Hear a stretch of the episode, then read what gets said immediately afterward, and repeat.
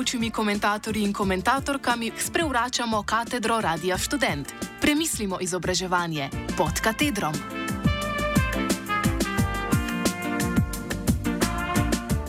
Arrivederci studium.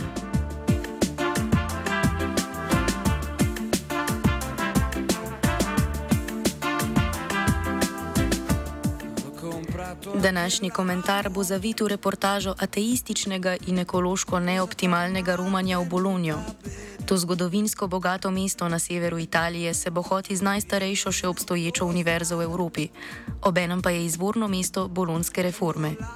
V tem smislu je pomenljiv kraj za obiskati, ko študentka zaključuje svojo visokošolsko pot.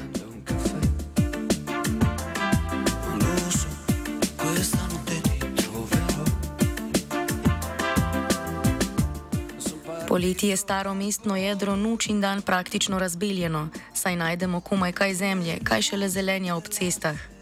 Edini prostor, kjer se tako domačini kot tujci lahko zunaj skrijemo, so visoki umetelni oboki, pod katerimi se vijajo široki kamniti pločniki ob večjih ulicah.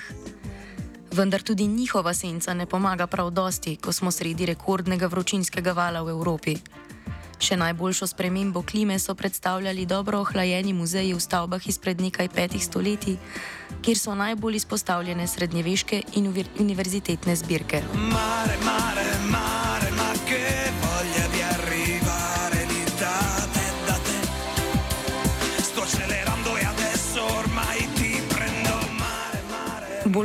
mesto, v katerem se je proti koncu 11. stoletja skupina premožnih moških začela združevati v cehe študentov, ki so se ločili po kraju izvora teh študentov. Iz cehov se je v 12. stoletju razvila prva univerza v Evropi. Ta se je razlikovala od cehov profesorjev, katerega primer najdemo v Parizu kakih 70 let po bajeslovnih začetkih bolonskega študentskega ceha. Medtem ko je v Parizu profesorje plačevala crkv, so bili v Bologni profesorji odvisni od študentov. Tretja vrsta univerze, tako imenovana skupnost študentov in profesorjev, kar je eden od pomenov besede universitas, pa je značilna za moderne univerze, ki pa v praksi težko izpolnjuje standarde skupnosti. Odvisno od tega, kaj pojmujemo kot participacijo študentov, Je petina pred, predstavnikov v senatu univerze dovolj ali bi moralo biti razmerje med študenti in profesorji pol-pol? Je prilizovanje študentskih predstavnikov, izvoljenih z manj kot petimi glasovi podpore, res tvorno za skupnost? Je to primerljivo s skupščinskim modelom, ki v aktualnem birokratskem demokratičnem aparatu je povsem zapostavljen?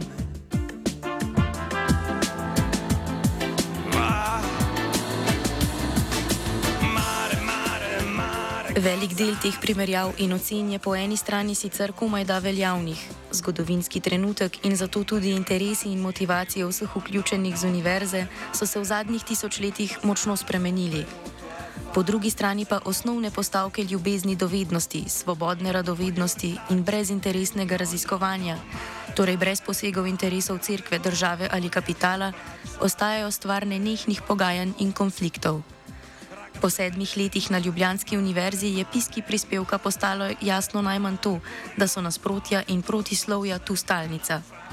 Ampak tudi, da je neposredno soočanje z njimi preko avtonomnih gibanj in izrednih posegov v študijski proces edini način, da dejansko tvorimo univerzitetno skupnost, ki sicer ostaja mrtva točka na papirju.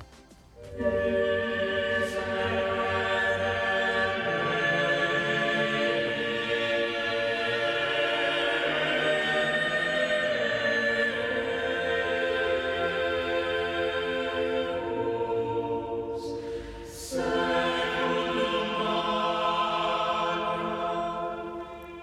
Bologni se tak preplet interesov kaže prav v zgodbi stavbe, v kateri so se različne smeri univerze prvič fizično združile v 16. stoletju, v Arkiginaziju. Ta se nahaja ob baziliki San Petronijo, katere pročelje gleda na Piazzo Maggiore, glavni trg starega trga, jedra. Prvotni načrti bazilike so razburili rimske klerike, čež da bo presegla veličino njihovih cerkva zato je bila na ukaz papeža ob boku bazilike v zgolj letu in pol zgrajena stavba, izredno namenjena Bolonski univerzi, teda imenovani Studium. S tem so fizično zaustavili gradnjo zadnjega krila bazilike, njen vhod na trgu pa še danes opozarja nas ne le z velikostjo, ampak tudi z nedokončano marmornato fasado, ki se grobo konča na polovici zgradbe.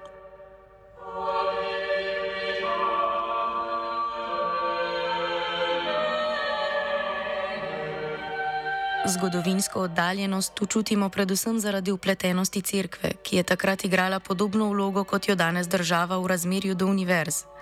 Ampak oddaljeno se zdi tudi zaradi ne samo umevnosti tega, da ima univerza svojo zgradbo stavbo. Bolj kot prostor so bile univerze ljudje, ki so jih sestavljali, predavanja pa so izvajali na različnih in spremenljivih lokacijah. Podobno kot danes so srednjeveški bolonski študenti izmed samih sebe volili predstavnike v tedanje različice študentskih organizacij.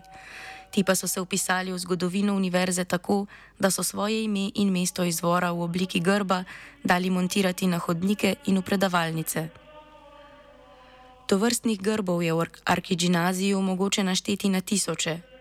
Študenti so na podoben način volili tudi tako imenovanega študentskega rektorja, čigar oprava in ceremonialne palice so na ogled v študentskem muzeju. Ta se nahaja na drugi lokaciji, v palaci, palaci Poggi, kamor se je na začetku 19. stoletja preselil sedež Bolonske univerze.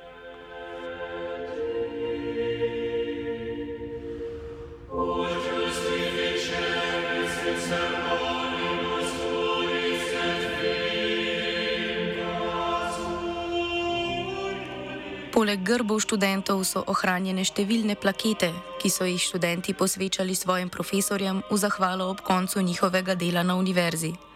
V podobnem duhu so bile ob smrti profesorjev krste pokrite s kamnitimi upodobitvami njih samih, ležečih na odprtih knjigah, v stranske dele krst pa so kipari izrezali prizore z predavanj, na katerih vrste študentov poslušajo, si zapisujejo, klepetajo ali pa omagujejo. Priznani kiparji in umetniška vrednost krst pričajo o visokem statusu profesorjev, od katerih izstopajo pravniki, saj je bilo pravo dolga stoletja osrednja smer Bolonske univerze.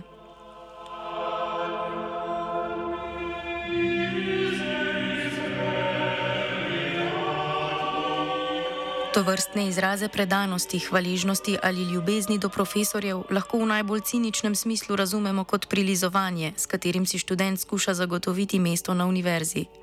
Spet, po drugi strani, je vse skupaj neškodljivo na podoben način kot darilo, ki ga dijaki ob koncu srednje šole podarijo razredničarki. A vendar je mogoče med opazovanjem masivnih kamnov, ki so med vsemi sledmi odnosov vzdržali preizkus časa, čutiti tudi ganljivost tega bazičnega odnosa med študentom in profesorjem, ki svojo ljubeznijo do vednosti navdušuje nad snovjo. Če ravno predavanja tistega časa večinoma niso bistveno presegala dobesednega branja iz knjig, so profesori v scholastični maniri zasedali podobno simbolno mesto kot duhovniki, posvečeni sli resnice.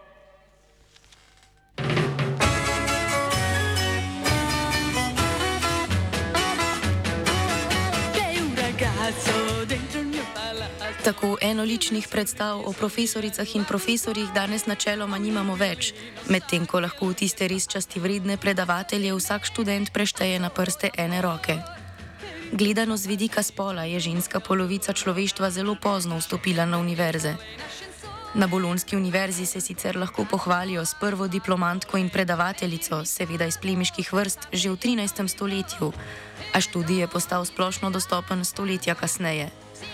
Na drugi strani se je tudi status študentov s prehodom v moderno državo pomembno spremenil. Bili so laizirani in prešli iz nedotakljivega kleriškega statusa med običajne prebivalce, podrejene posvetnim sodiščem. Njihovo število se je skupaj z obsegom univerz kot takih povečalo, vloga visokega šolstva pa podredila državi in kapitalu. S tem je bil namen študija, skupaj z njim pa prej omenjene akademske vrednote, podvržen pretresom, predvsem pa se sedaj sooča z obtožbami nesmiselnosti v luči klicev po tako imenovani uporabnosti, ki študij veže k konkretnim zahtevam države po kadrih in kapitala po delovni sili in tehnoloških inovacijah. K pospešitvi tega je prispevala tudi bolonska reforma preoblikovanje evropskih univerz z namenom hitrejšega diplomiranja in vključevanja v delovni proces.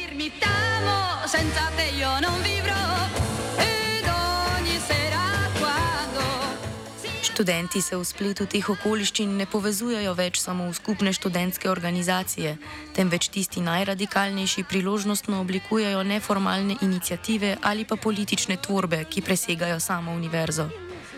Tako je tudi v Bologni in posebej v univerzitetni četrti, ki zauzema v severovzhod starega mestnega jedra, čutiti politiziranost položaja študentov.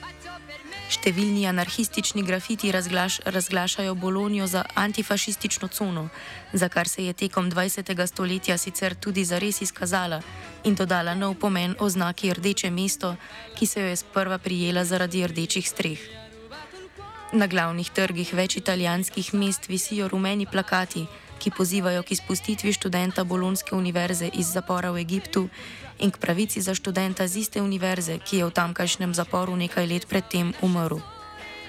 Z univerzitetnih stavb v Bologni visijo rjuhe z napisi, na kateri študenti krivijo Airbnb in Ryanair za turistifikacijo mesta in s tem višanje cen življenja, ki so si ga študenti tež, težko privoščili.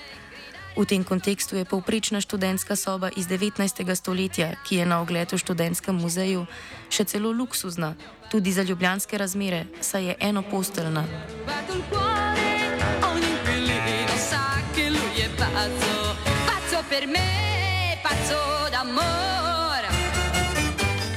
Študentski cehi, ki so jih v Bologni prvotno tvorili prav študenti iz tujine, da bi si izborili boljše pogoje ob najemu, so se po tisočih letih pretvorili v univerzo, ki je sama postala turistična atrakcija, vprašanje cene najema pa prepustila trgu.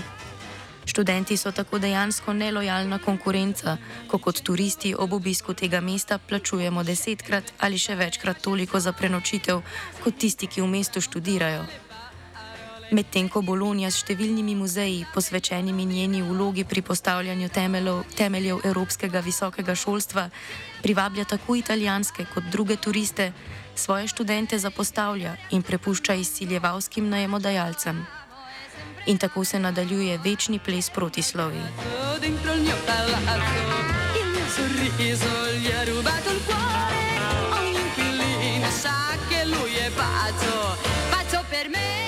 Da v Italiji kava z mlekom ne obstaja, se je zgrda naučila Hanna.